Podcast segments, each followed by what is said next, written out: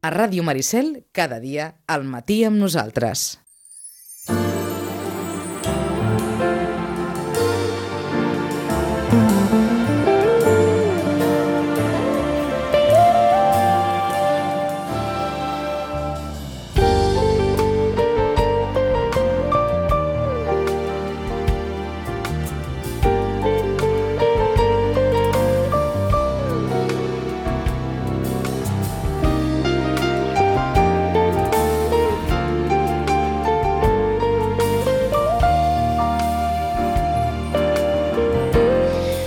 I 16 minuts del matí, segona hora d'aquest eh, matí en nosaltres, d'avui dimecres 16 eh, de març del 2011.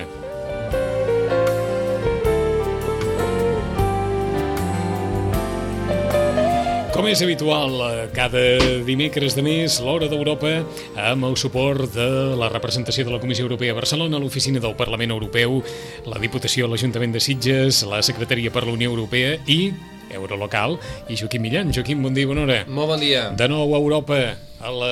bé, a nou punt de mira. Ho estava quan la crisi en els països àrabs, que continua, diguem-ne, ben, ben encesa, i ho està ara davant de la crisi japonesa i aquest bé, què fem amb les centrals, què no fem amb les centrals, en definitiva aquest, aquest debat obert a l'entorn de tot això i tothom continua interpel·lant-se sobre per què no es parla més aviat, per què no es diuen les coses sí, sí, més sí. aviat. Eh?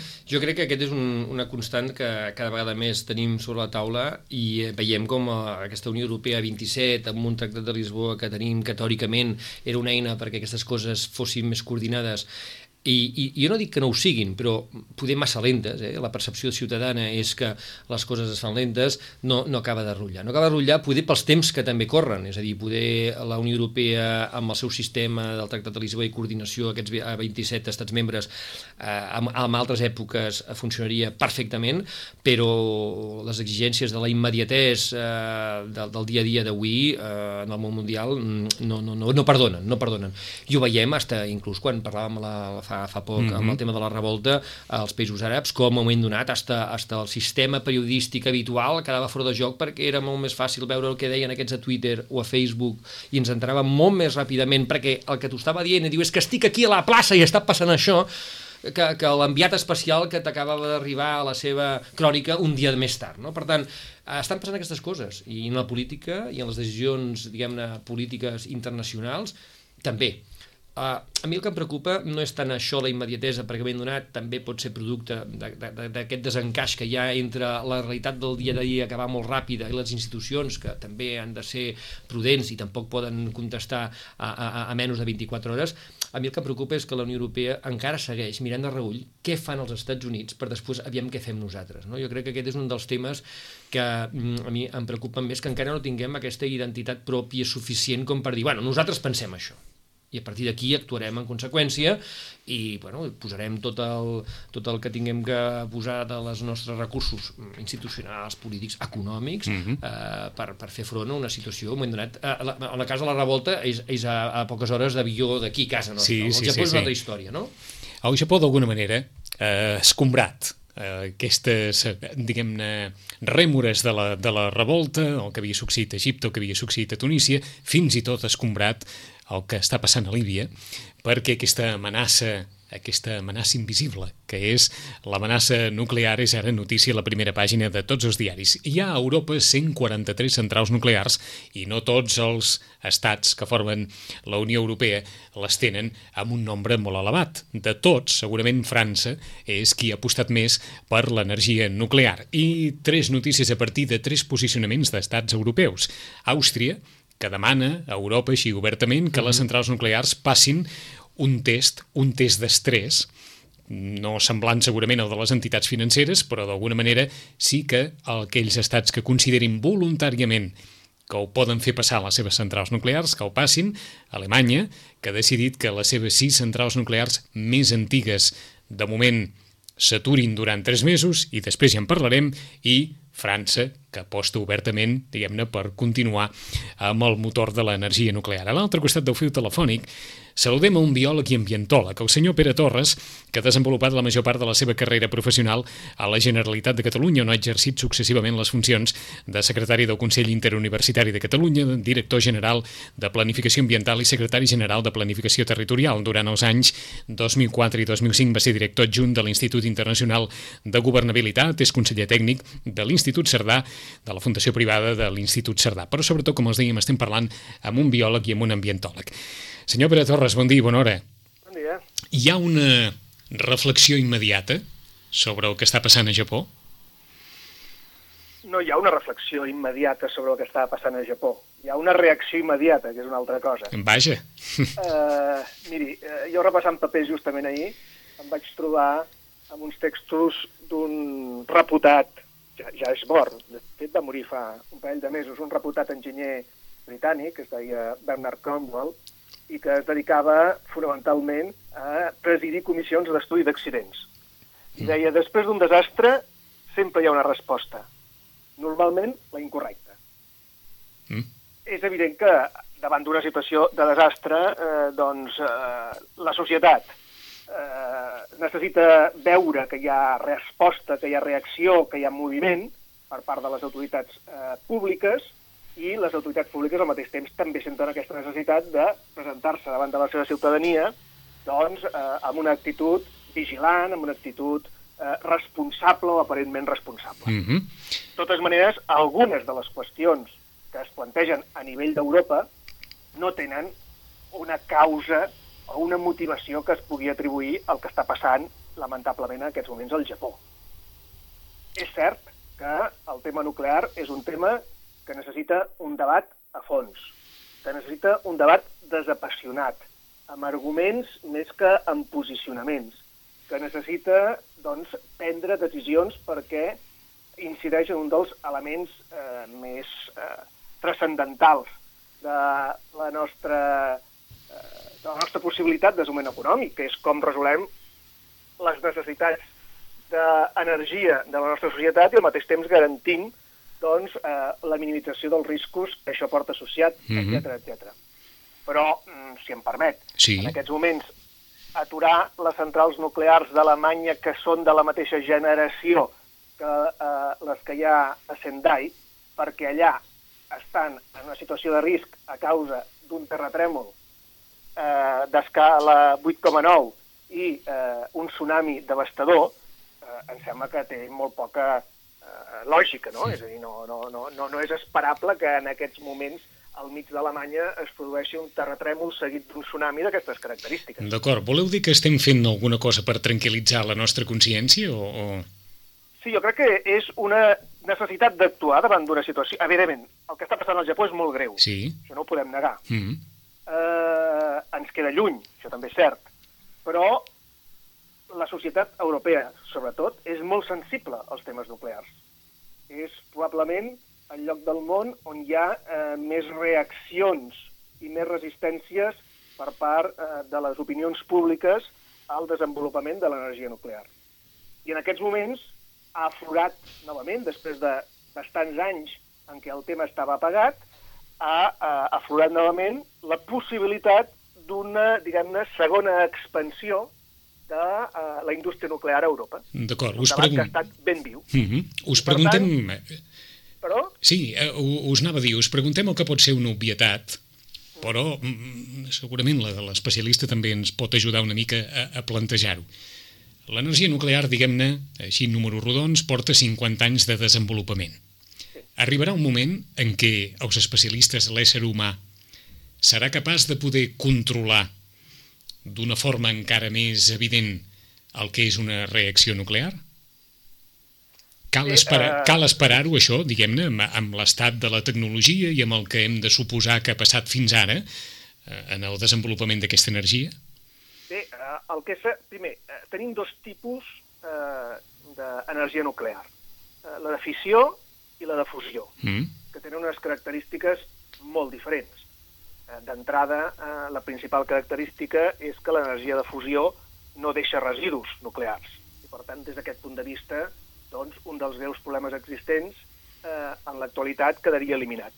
El que passa és que aquesta tecnologia no està desenvolupada per eh, poder-se eh, aplicar i per poder generar energia en les quantitats que requerim. D'acord. Una, Les pregun un, un, una pregunta, professor Torres, eh, em, per si podem fer un exemple molt gràfic o no. El que succeeix al Sol són explosions de, fu de, de fusió nuclear?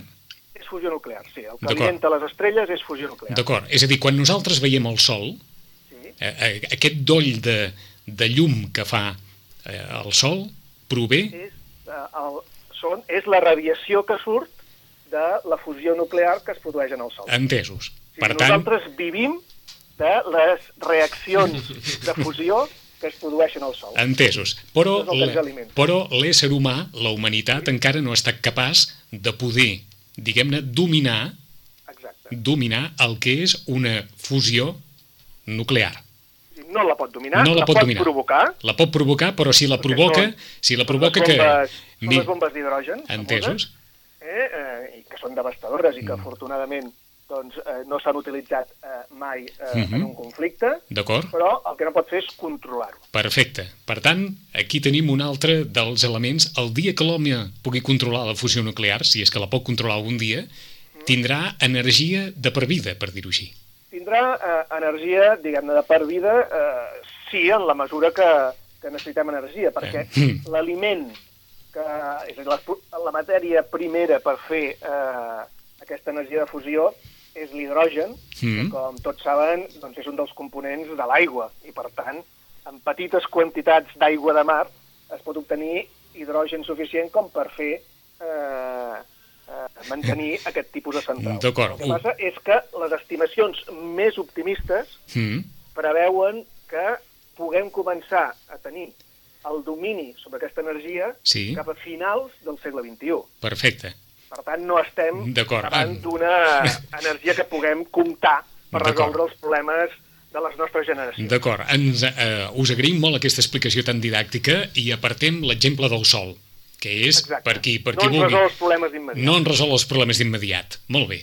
Anem per l'energia produïda per la fissió nuclear, que és Sí. La que habitualment coneixem com a generada a través de les centrals nuclears, no? Exacte. D'acord.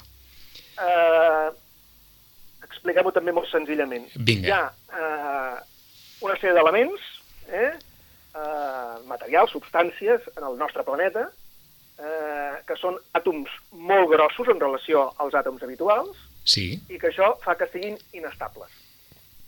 Mm? I aquests àtoms, eh, que coneixem més habitualment amb el nom d'isòtops, per aquesta raó, Mhm. eh, es trenquen mm? i donen lloc a altres elements. Al moment de trencar-se, alliberen una gran quantitat d'energia. D'acord. D'acord? Aleshores, el que fan les centrals eh, nuclears de fissió és, a partir de l'urani, eh, eh, que és el que sabem eh, gestionar millor des d'aquest punt de vista, no és l'únic àtom radioactiu, no l'únic element radioactiu, però és el que sabem eh, controlar, Mm -hmm. doncs el que fan és, d'una manera regulada, controlada, supervisada, aprofitar el trencament d'aquest natural eh, eh, que es produeix en aquests àtoms eh, d'urani, Sí. extreure l'energia en forma de calor que produeixen, Mm -hmm. aquest, que, aquesta calor escalfa eh, un líquid, el qual, en escalfar-se i vaporitzar-se, fa moure unes turbines i genera electricitat. I és el que aprofitem nosaltres. L'electricitat que genera en aquest, eh, en aquest procés. Mm -hmm. Per tant, aquest és un procés que obligadament ha de ser controlat. Obligadament ha de ser controlat. Controlat. Quan es descontrola el procés, per les Quan- circumstàncies que siguin, que poden ser des del terratrèmol al Japó fins al que va passar a Harrisburg, fins al res, 50.000 coses, què pot passar aquí? A veure, el procés normalment es descontrola quan eh, no es eh, manté la refrigeració adequada de eh, la zona on es produeix la reacció nuclear. D'acord? Que és el Mhm. problema que està passant en aquests moments eh, al Japó i és el problema principal que s'ha produït en els grans accidents nuclears. D'acord. Eh, quan la temperatura augmenta, augmenta, augmenta, doncs eh, es comença a produir una, una fosa del material eh, radioactiu i la reacció eh, s'accelera. Mhm. Eh? I es va autoalimentant perquè cada vegada és eh, més, més eh, intensa eh, la calor en no poder-se refrigerar. D'acord, ens disculpeu la nostra ignorància, però un cop centrat en aquest procés, això ja és molt difícil d'aturar? No necessàriament. No necessàriament. A veure, en principi, com ja es compta amb la possibilitat d'aquest risc, existeixen elements de contenció. És a dir, aquesta reacció no es produeix en una zona accessible, sinó que Mhm. existeixen murs de formigó i altres elements de contenció. A la famosa a la famosa, eh, el famós accident que va haver-hi als Estats Units, a Three Mile Island, Sí? es va produir la fosa del nucli, eh, aquest procés que estàvem dient, Mhm. però es va mantenir la integritat del de, eh, el sistema de contenció. D'acord.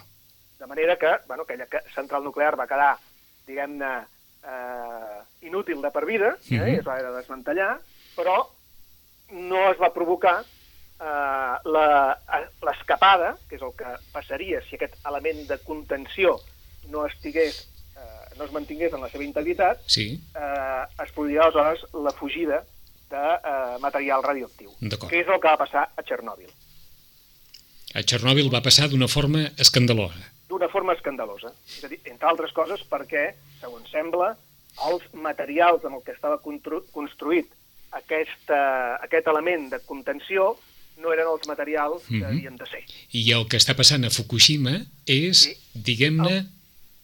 Què? I a, a Fukushima el que ha passat, és a dir, d'entrada, sembla que eh, les centrals nuclears van resistir el terratrèmol.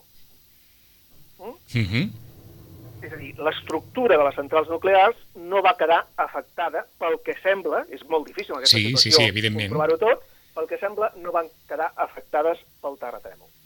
Però immediatament després va venir el tsunami, que el que va trencar va ser tot el sistema de refrigeració. D'acord.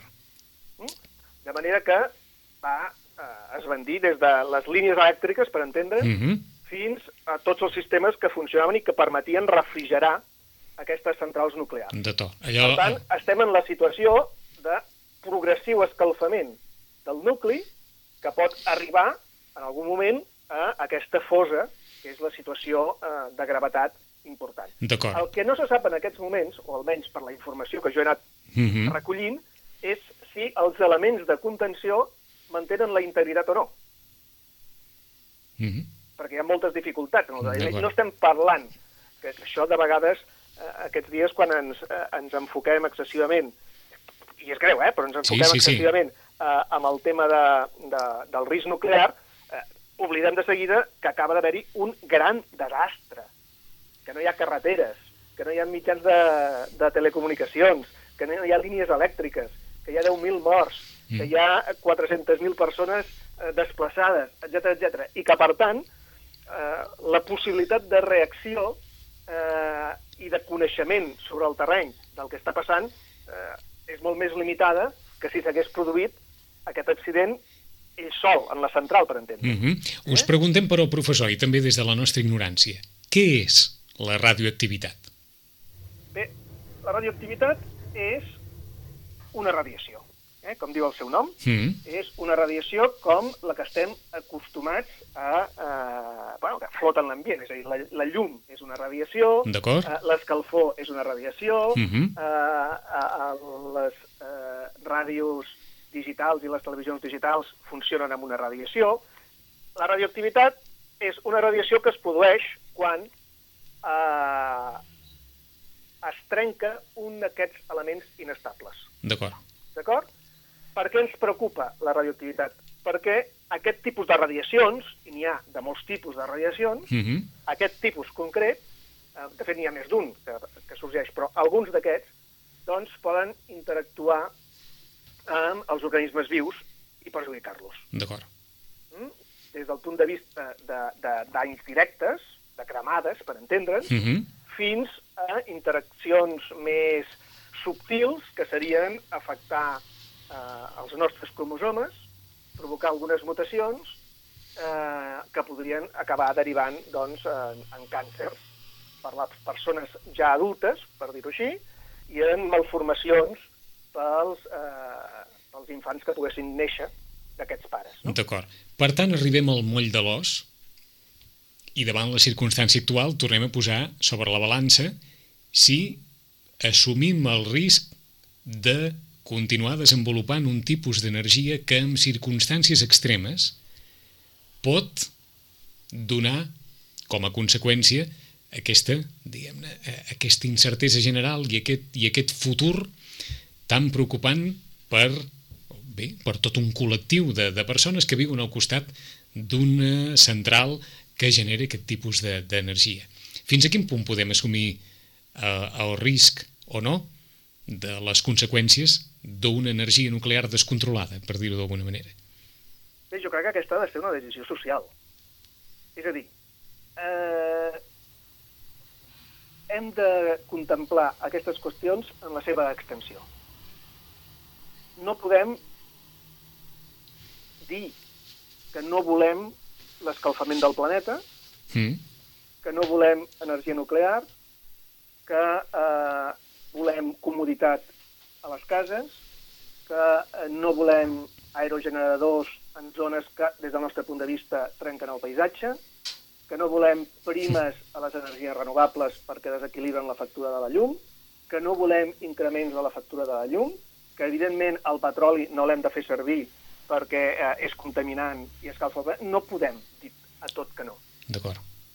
Aleshores, hauríem de ser capaços de posar-ho en un context que veiem els pros i els contres, els riscos eh, i els no riscos i els avantatges que té tot el model energètic. Perquè dit així a la directa, Sí, si algú ara plantegés, eh, escolti'm, professor, si ara diguéssim que no a l'energia nuclear, així a la, a la directa, si, ho tanqués, si tanquéssim l'aixeta de l'energia nuclear, que si no tinc malentès suposa el 15% de la producció energètica mundial, hi hauria alguna font d'energia que pogués substituir aquest 15% així d'un, si no d'un dia per altre, més o menys amb una certa celeritat o rapidesa? d'un dia per l'altre, eh, diguem-ho així, Sí, eh, només a través eh, dels combustibles fòssils. d'acord.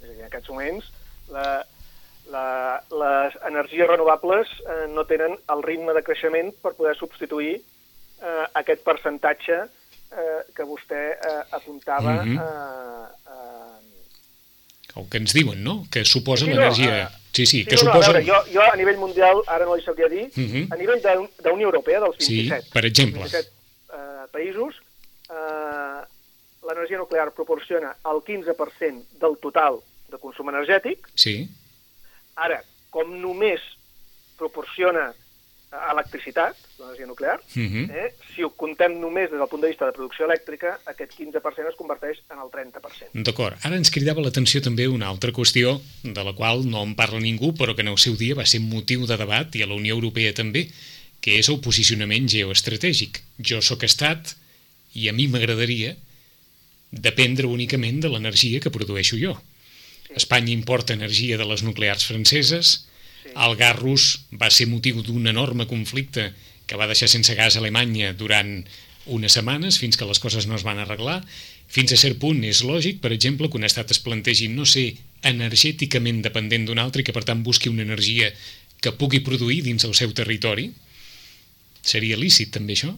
Sí, és lícit. A veure, primer, no només és lícit, sinó que és recomanable mirar d'aprofitar eh, les pròpies capacitats de producció energètica. D'acord, ho té més fàcil... Sembla eh? que això és eh, d'una raonabilitat eh, absoluta. No? Ho té més fàcil produir energia a Estats Units que, que a altres països, per exemple, perquè són països amb més recursos naturals o són països que poden aprofitar més la seva geografia per determinats tipus d'energies que d'altres, o tothom està en igualtat de condicions a l'hora de produir energia? No, no tothom està, No tothom està en igualtat de condicions. No tothom està en igualtat de, de condicions, entre altres coses, perquè eh, els mateixos combustibles fòssils estan repartits de manera diferent en el planeta. Mm. Eh, quan parlem d'energia nuclear hem no hem d'oblidar que també necessita eh, un combustible nuclear, en aquest cas, que és l'urani, i que tampoc les mines d'urani estan repartides Mhm. uniformement pel món. D'acord? Eh, que si parlem d'energies renovables no tothom té eh, la mateixa intensitat de gas, ai, perdó, de gas, de, de vent, eh, d'insolació... Eh, si parlem d'energia hidro- hidroelèctrica, no tothom té la mateixa disponibilitat de recursos hídrics, per tant, la distribució de l'energia és absolutament asimètrica a tot arreu. No? D'acord. Per tant, Japó, Japó va assumir el risc de l'energia nuclear perquè és un estat, és un país sense massa recursos d'altra mena. D'acord. És un país molt dependent. Molt dependent. Sí. Home, Eh? I Europa també ho és, eh? La Unió Mm. Europea en aquests moments té una dependència energètica exterior de la Unió Europea eh? Eh, del 50% de Déu-n'hi-do. l'energia total. Déu-n'hi-do. Eh? Però és que el ritme d'increment del consum que es preveu farà que d'aquí 20 anys pugui situar-se en el 70%. Si no, eh, implementem mesures actives d'eficiència energètica, és a dir, de reducció del consum, de ser més eh, excel·lents a l'hora d'aprofitar l'energia que consumim, Sí. i per altra banda, de eh, promoure energies, com dèiem, eh, pròpies. Per tant, la situació eh, no es pot agafar, com deia abans, eh, no és que jo sigui partidari de les energies nuclears, eh? Mm. que no soc partidari de cap de les energies eh, com a panacea de res. Eh, el que considero és que és un error plantejar-se respostes parcials a un problema que té tantes eh, interaccions en tants aspectes de la nostra vida. D'acord. Us vol preguntar Joaquim Millan. Sí, jo... Hola, Pere. Jo, realment, el, el que tu estàs dient ara i estem comentant, mm, vaja, és coherent i sentit comú. Llavors, què, què li falta, en aquest cas, parlant de la Unió Europea, eh, de sentit comú i coherència per intentar realment, eh, un debat que ja fa temps que s'arrossega sobre la taula, començar una mica a calendaritzar, perquè una de les coses que no hem parlat molt és dir, bueno, quin calendari tenim? És a dir, ara tenim els problemes que tenim, els propers, però quin calendari real tenim, tenint en compte que, com tu dius, consumim més o cada vegada serem més eh, dependents energèticament. És a dir, el pla 2020, eh, 20 de dir eh, reduir el 20% d'emissions per l'any 2020 eh, intentar tindre un 20% d'energies renovables o intentar també consumir un 20% menys, realment això que està molt maco dit i escrit, serem capaços de l'any 20 realment arribar aquí? Eh, no? Eh, tu com ho veus això? Perquè a mi el que em preocupa és que aquest debat eh, que- es passem a l'acció, no? Vull dir, la gent una mica també és el que voldria veure, no? Com podem passar a l'acció per realment fer efectiu això, tenint en compte que per qüestions de calendari el problema cada vegada serà més greu. Bé, aquí uh, jo crec que hi ha un problema de partida, eh, i ja que estem parlant un programa eh, sobre Europa val la pena Mhm. remarcar-ho, és que no hi ha una política energètica europea. Què vull dir que no hi ha una política energètica europea? Que si bé és cert que aquest tema es tracta, la Unió Europea té unes capacitats de decisió mínimes. Les decisions corresponen als estats. Aleshores, aquí ens trobem amb estats com Àustria, Dinamarca, Grècia o Itàlia, que tenen normatives, lleis, en algun cas via referèndum fins i tot, en què decideixen no desenvolupar l'energia nuclear. Tenim països com França, Mm. en què eh, pràcticament el 70% de la seva energia eh, elèctrica eh, té eh, origen eh, nuclear.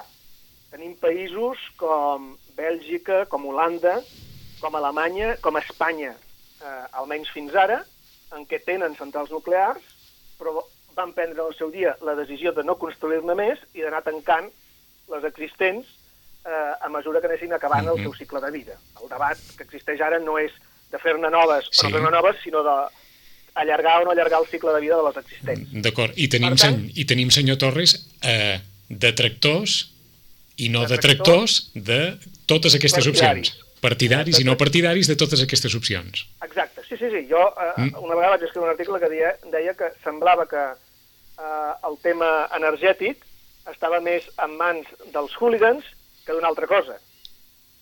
En el sentit que els partidaris de les energies renovables diuen maldats de totes les altres energies. Us ho Els preguntem? de l'energia nuclear diuen maldats de totes les Mhm. altres. U- Dels u- combustibles us- fòssils, maldats de totes les altres. Hi ha un moment que dius, eh, podem Mhm. ser capaços de veure que tots tenen avantatges i tots tenen inconvenients. Us ho preguntem Sí. perquè hem de suposar que a França hi ha professionals acreditats que defensen l'energia nuclear i a Àustria deu haver professionals acreditats que defensen la no existència de l'energia nuclear en el territori austríac. Exacte. Deu haver gent per tot, oi? Hi ha gent per tot. I amb, i amb titulació, i amb capacitat, i amb, i amb coneixements de amb causa. capacitat i amb arguments raonables Sí. en cada cas. Doncs El com ho, hem, problema- com ho hem de fer, això, doncs? El problema és que no hauríem d'escoltar només un sol argument. Jo, jo continuo eh, insistint en la idea que vaig repetint. Aquest no és un debat sobre nuclears sí, nuclears no, el que jo crec que ha d'haver-hi, sinó sobre quin model energètic volem. Quins ne són, diguem-ne, les demandes d'energia que estem disposats a no superar. I, per tant, quins esforços fem de contenció de la despesa energètica. Quins preus estem disposats a pagar per l'energia. I de les diferents fonts, quines valorem en funció de paràmetres reals. És a dir, de, no, no d'il·lusions, sinó de quan poden ser operatives, Mm. quins costos tenen, etc etc etc. Ara, si les batalles, com s'estan produint, especialment dintre de l'estat espanyol, són sempre batalles parcials. Per una banda, la batalla de les energies eòliques, per altra banda, la batalla de, del, del carbó, per altra banda, la batalla de les nuclears, evidentment anem extremant eh, les discussions sobre aspectes d'un problema complex i que interrelaciona tots aquests aspectes i serem incapaços de sortir-nos-en. D'acord. Una qüestió final, professor, perquè malgrat tot hi ha aquí un, un dilema ètic i moral, si es vol. Mm. Hi ha algun tipus d'energia que no sigui la nuclear que pot afectar tant a la vida humana en circumstàncies límit?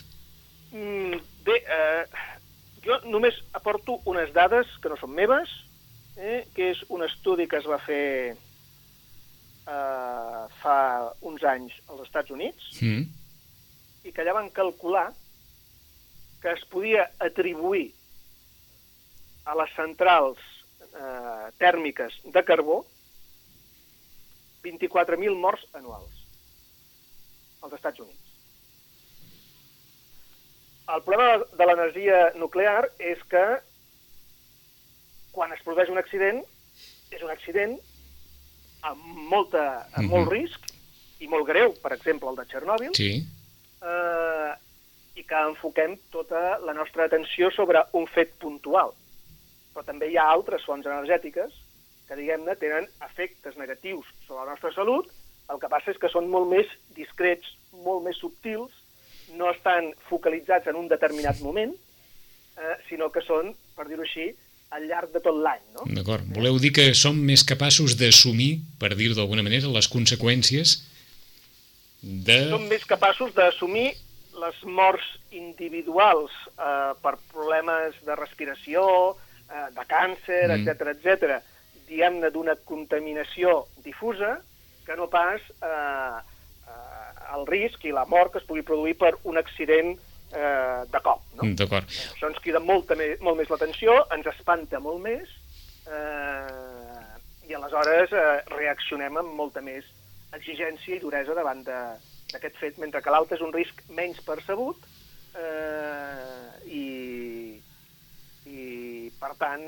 amb molta més acceptació. Eh? Mm -hmm. En qualsevol cas del que està succeint al Japó segurament en sortirà una, una reflexió en, en veu alta o probablement seria bo que així, que així fos i en la qual el, els professionals i els especialistes hi puguin dir la seva. De moment hem apuntat algunes coses i ens ha agradat molt sobretot aquesta explicació didàctica del, del fet en si, de la fusió i de la fissió i d'aquests dos tipus bàsics de reacció nuclear a partir de, de la conversa que hem mantingut amb Pere Torres, però sàpiguen allò que deia el professor, que Europa depèn molt de l'energia dels altres i no hem fet gran cosa com per estalviar energia, perquè vindrà d'aquí dos dies l'estiu i segurament les empreses elèctriques ens diran que encara han gastat una miqueta més que l'any passat en sistemes de refrigeració i el consum de la llum serà més i el rebut de la llum serà més i anem a més cada any, perquè difícilment ha disminuït el consum energètic, no, senyor Torres?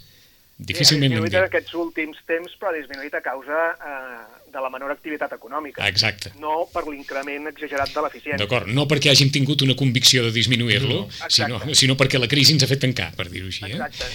Senyor Torres, moltes gràcies per estar aquí matí amb nosaltres. Us saluda Joaquim Millán. Moltes gràcies, Pere. Fins la propera. Gràcies a vosaltres. Moltes gràcies. Adéu-siau.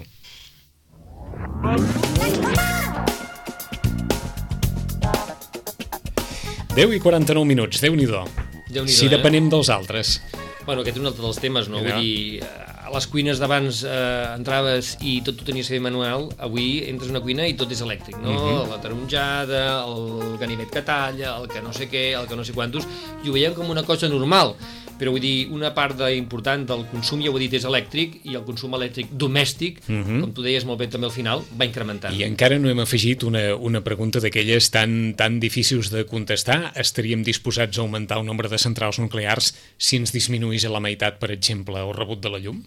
Clar, ui, per eh? això hi ha un debat bastant important. Aquí. Saben vostès que, entre altres coses, els municipis que estan als voltants d'una central nuclear eh, acostumen a ser municipis molt beneficiats. El risc de trobar-se al costat d'un equipament d'aquest tipus fa que, precisament, els habitants dels municipis o gairebé paguin una misèria per llum o no la paguin. Feines, feines eh, indirectes, equipaments, subvencions. subvencions als ajuntaments. En definitiva, hi ha tal quantitat eh, segurament això també explicaria fins a quin punt és assumit o no el risc de tenir una central nuclear, perquè, evidentment, en una central hidroelèctrica eh, totes, aquesta, totes aquestes compensacions econòmiques no existeixen, i en una nuclear eh, segurament les persones de Vandellós o les persones que viuen a propet de la central de Conferentes o de qualsevol altra de les centrals espanyoles poden dir, mare de Déu, aquí ens han pagat des del pavelló esportiu fins al que sigui, oi? I, i per diguem-ne, per aquest temor sempre existent al risc d'una catàstrofe nuclear. A l'altre costat del fiu telefònic, saludem. I anem a una altra qüestió també, no menys important,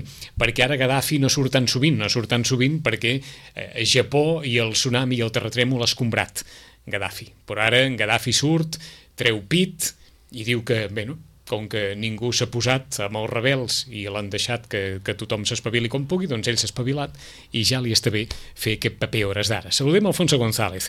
És màster en dret comparat per la Universitat Autònoma de Barcelona, doctor en dret, professor convidat al màster oficial d'integració europea i, òbviament, persona coneixedora de tot el que fa referència a Bé, doncs a, tota, a totes aquestes estratègies tan complicades en les quals moltes vegades ens movem. El paper de la Unió Europea al món i en relació amb els darrers esdeveniments, com poden ser les revoltes populars al món islàmic. Professor Alfonso González, bon dia. Hola, molt bon dia. Ara Gaddafi surt molt poc per Doncs- televisió i per tot arreu, eh? Efectivament, ha tingut un, un cop de sort. Per ell i, i ha estat una desgràcia per la majoria de, dels habitants de Líbia Mhm. als esdeveniments a, al Japó. Com Perquè, és el, com és el món, eh? Sí, de fet l'actualitat eh, és així. Un Ah. dia estàs en primera plana i després se està. Passa una, passa una desgràcia al Japó i d'una forma gairebé per una carambola d'aquelles de billar, algun ha sortit beneficiat quan estava en una situació, diguem-ne, que relativament complicada fa una setmana enrere. Doncs efectivament, però de fet jo espero que, que en les properes setmanes o dies doncs, torni una altra vegada a la primera plana de Mhm. l'agenda, perquè jo crec que aquest eh, conflicte va per llarg. D'acord, però en qualsevol cas s'apuntava en les darreres hores que donava, bé, que Gaddafi ha aprofitat aquest, diguem-ne, aquest estat de, de, de poca operativitat de les institucions internacionals i, i per tant ha fet un encaix aquí allò, mentre els de fora no em diguin ni, ni m'apretin massa, doncs jo apreto fins on pugui i a veure com ho acabem això. Eh, ha estat així això? Efectivament, de fet, quan hi ha un conflicte, i de fet ho vam viure no fa gaires anys en el conflicte a Bòsnia-Herzegovina, mentre la comunitat internacional no es posa d'acord sobre quin tipus Mhm. d'actuació s'ha de realitzar, doncs la part en el conflicte aprofiten doncs, per intentar conquerir al màxim o, o reafirmar les seves posicions militars i així quan s'arriba a un acord de pau doncs poder fer valdre la seva posició de superioritat. O sigui que tornem a picar amb la mateixa pedra? Sí, eh, lamentablement això és una cosa que ha passat durant molts anys a la política internacional i una altra vegada torna a passar. A Gaddafi li interessa reconquerir les ciutats rebels perquè quan la comunitat internacional es decideixi definitivament a prendre mesures Mhm. fermes en aquest conflicte, doncs ell trobar-se en una situació de superioritat i dir que controla el territori i la població, que és el que s'exigeix a qualsevol govern. D'acord. I per què Europa li està costant tant? Bueno, Europa té un problema endèmic de posar-se d'acord en els conflictes internacionals. De fet, hi ha molts interessos en joc i, i aquí, doncs, els, per exemple, els francesos i els britànics tenen uns interessos a Líbia que no tenen, per exemple, els alemanys. I ha fet que eh, això ha impossibilitat que la Unió Europea adoptés una posició comuna sobre el tipus d'actuacions que s'ha de portar a terme en aquest conflicte. Per exemple, hem vist en els darrers dies que Regne Unit i França eh, defensaven una operació de eh, eh, limitar l'espai aeri eh, libi i, per tant, impedir que els avions eh, libis poguessin bombardejar a la població, mentre que els alemanys estaven en contra d'aquesta posició. Si Líbia no tingués petroli, la meitat de- d'aquest problema no... no... Bueno, eh, de fet, eh, els interessos econòmics també és una, un altre element a, a, tenir, mm -hmm. a tenir en compte en, en qualsevol conflicte. És a dir, quan, quan un estat es decideix actuar o quan la Unió Europea es decideix actuar, hi ha moltes coses que estan sobre de la taula. Per exemple, doncs, la defensa dels drets humans de la població, els interessos econòmics dels estats, etc. I a partir d'aquí doncs eh, comencem a construir el que seria la posició d'un estat o de la pròpia Unió Europea. Ho, ho dic perquè dona una certa sensació que cada estat faci el que pugui amb els seus interessos en Líbia i després la Unió Europea ja intentarà fer el que pugui amb tots els estats a la vegada per trobar una postura comuna. Sí, de fet, eh, sempre s'ha acusat a la Unió Europea a ser eh, un, un actor internacional que actua quan el conflicte ja està en vies de solució. Mm i, per tant, s'ha convertit en un actor expert en el que s'anomena rehabilitació post-conflicte. D'acord, en Joaquim Millan es posa les mans al cap perquè allò de dir quin, quanta raó tens sempre s'arriba quan la cosa està resolta i aleshores el que acaba de dir el professor González és especialista a la Unió Europea amb els postconflicte, per dir-ho així. Sí, sí, sí, sí, sí. També perquè, entre altres qüestions, la Unió Europea no té una capacitat militar com per poder actuar de manera decidida eh, com a part del conflicte. Eh? D'acord, us anava a dir millor que no la tingui, perquè si no es posa d'acord sense exèrcit, només faltaria que tingués exèrcit i ja en parlaríem de qui voldria que intervingués o no, no? Clar, és a dir, mentre no hi hagi uns mecanismes dins de la Unió Europea que li permeti actuar de manera decidida i ràpida, més val que no ho faci, perquè sempre arribaria tard. Eh, això és un mal endèmic, i us ho preguntem perquè estem, heu posat l'exemple de Bòsnia-Herzegovina i ara l'exemple de Líbia, per, per exemple, per posar-ne dos de, de molt clars, és molt difícil que la Unió Europea pugui prendre una postura comuna quan, quan esclar, quan els seus estats, cada estat ha tingut la seva història, la seva política eh, en, en algun dels llocs en conflicte i per tant eh, això encara que es vulgui unir és molt difícil d'unir-ho. Això és un camí llarg. Aquest sí que és un camí llarg perquè això implica que els estats membres de la Unió Europea renuncien a tenir una política de seguretat exterior. No? Vaja. I això eh, és, és pràcticament impossible tenint en compte que això afecta el nucli dur del que s'anomena la sobirania dels estats. Els estats s'han fonamentat històricament en tenir el control intern, és a dir, la policia, el control de l'exèrcit, és a dir, la possibilitat d'utilitzar eh, la guerra per defensar-se davant d'un atac exterior, i l'economia i, la, i la moneda. A la Unió Europea s'estan donant passos perquè sigui la Unió Europea que gestioni aquests aspectes, però amb moneda s'està molt avançat, en canvi en temes militars doncs encara s'està molt, molt lluny. Us vol comentar una cosa, Joaquim Millan? Això que deies tu, Alfons, que estic completament d'acord i us subscric al 100%, però aquí, uh, últimament, hi ha una certa incoherència en el sentit següent, és a dir, amb el Tractat de Lisboa i amb la senyora Catherine Ashton, i que en aquests moments està intentant desplegar una de les coses que mm, ja es fixava amb el Tractat de Lisboa, que és aquest servei europeu diplomàtic, com podem fer això si a la vegada, com tu molt bé ja insinuaves o deies, no són capaços de tindre una política exterior comuna, veritable política exterior comuna, perquè quan hi hagi un conflicte d'aquests, la Unió Europea vagi tota una. Com podem tindre, o estem desplegant un servei diplomàtic sense tindre això? Eh, ah, tu, tu, tu com ho veus això i què, què, què creus que, que hem de fer per realment resoldre aquest tema de veritat? Jo crec que s'ha de ser molt pacient, perquè els estats no renunciaran a aquest poder, sinó que aquest poder l'hauran d'anar conquerint a poc a poc la pròpia Unió Europea, i això dependrà molt de l'habilitat de l'actual alta representant per afers exteriors i política de seguretat de la Unió Europea. En la mesura que ella sigui capaç no?, de que, eh, de que la Unió Europea actuï de manera decidida i que els estats confien en ella per anar dirigint el que seria una política exterior comuna, doncs això s'aconseguirà. També hi ha certs dubtes sobre la capacitat de, de la senyora Ashton, perquè no és una persona que molt instruïda en els temes de política exterior, és una, acaba d'aterrar pràcticament en el món de la política exterior i es dubta seriosament de la seva capacitat per dirigir mm. aquest servei d'acció exterior eh, de, de la Unió Europea. Eh, acabeu d'expressar un eufemisme molt interessant.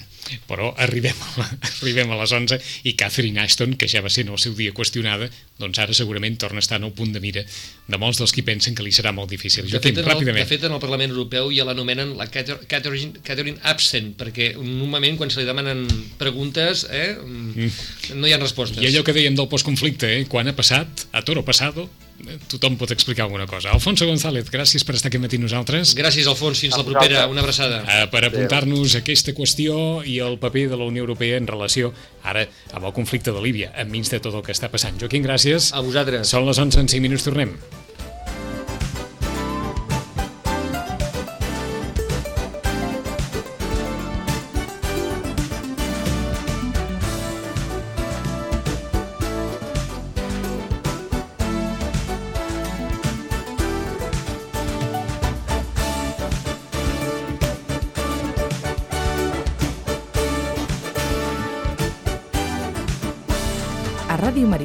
Cada dia al matí amb nosaltres.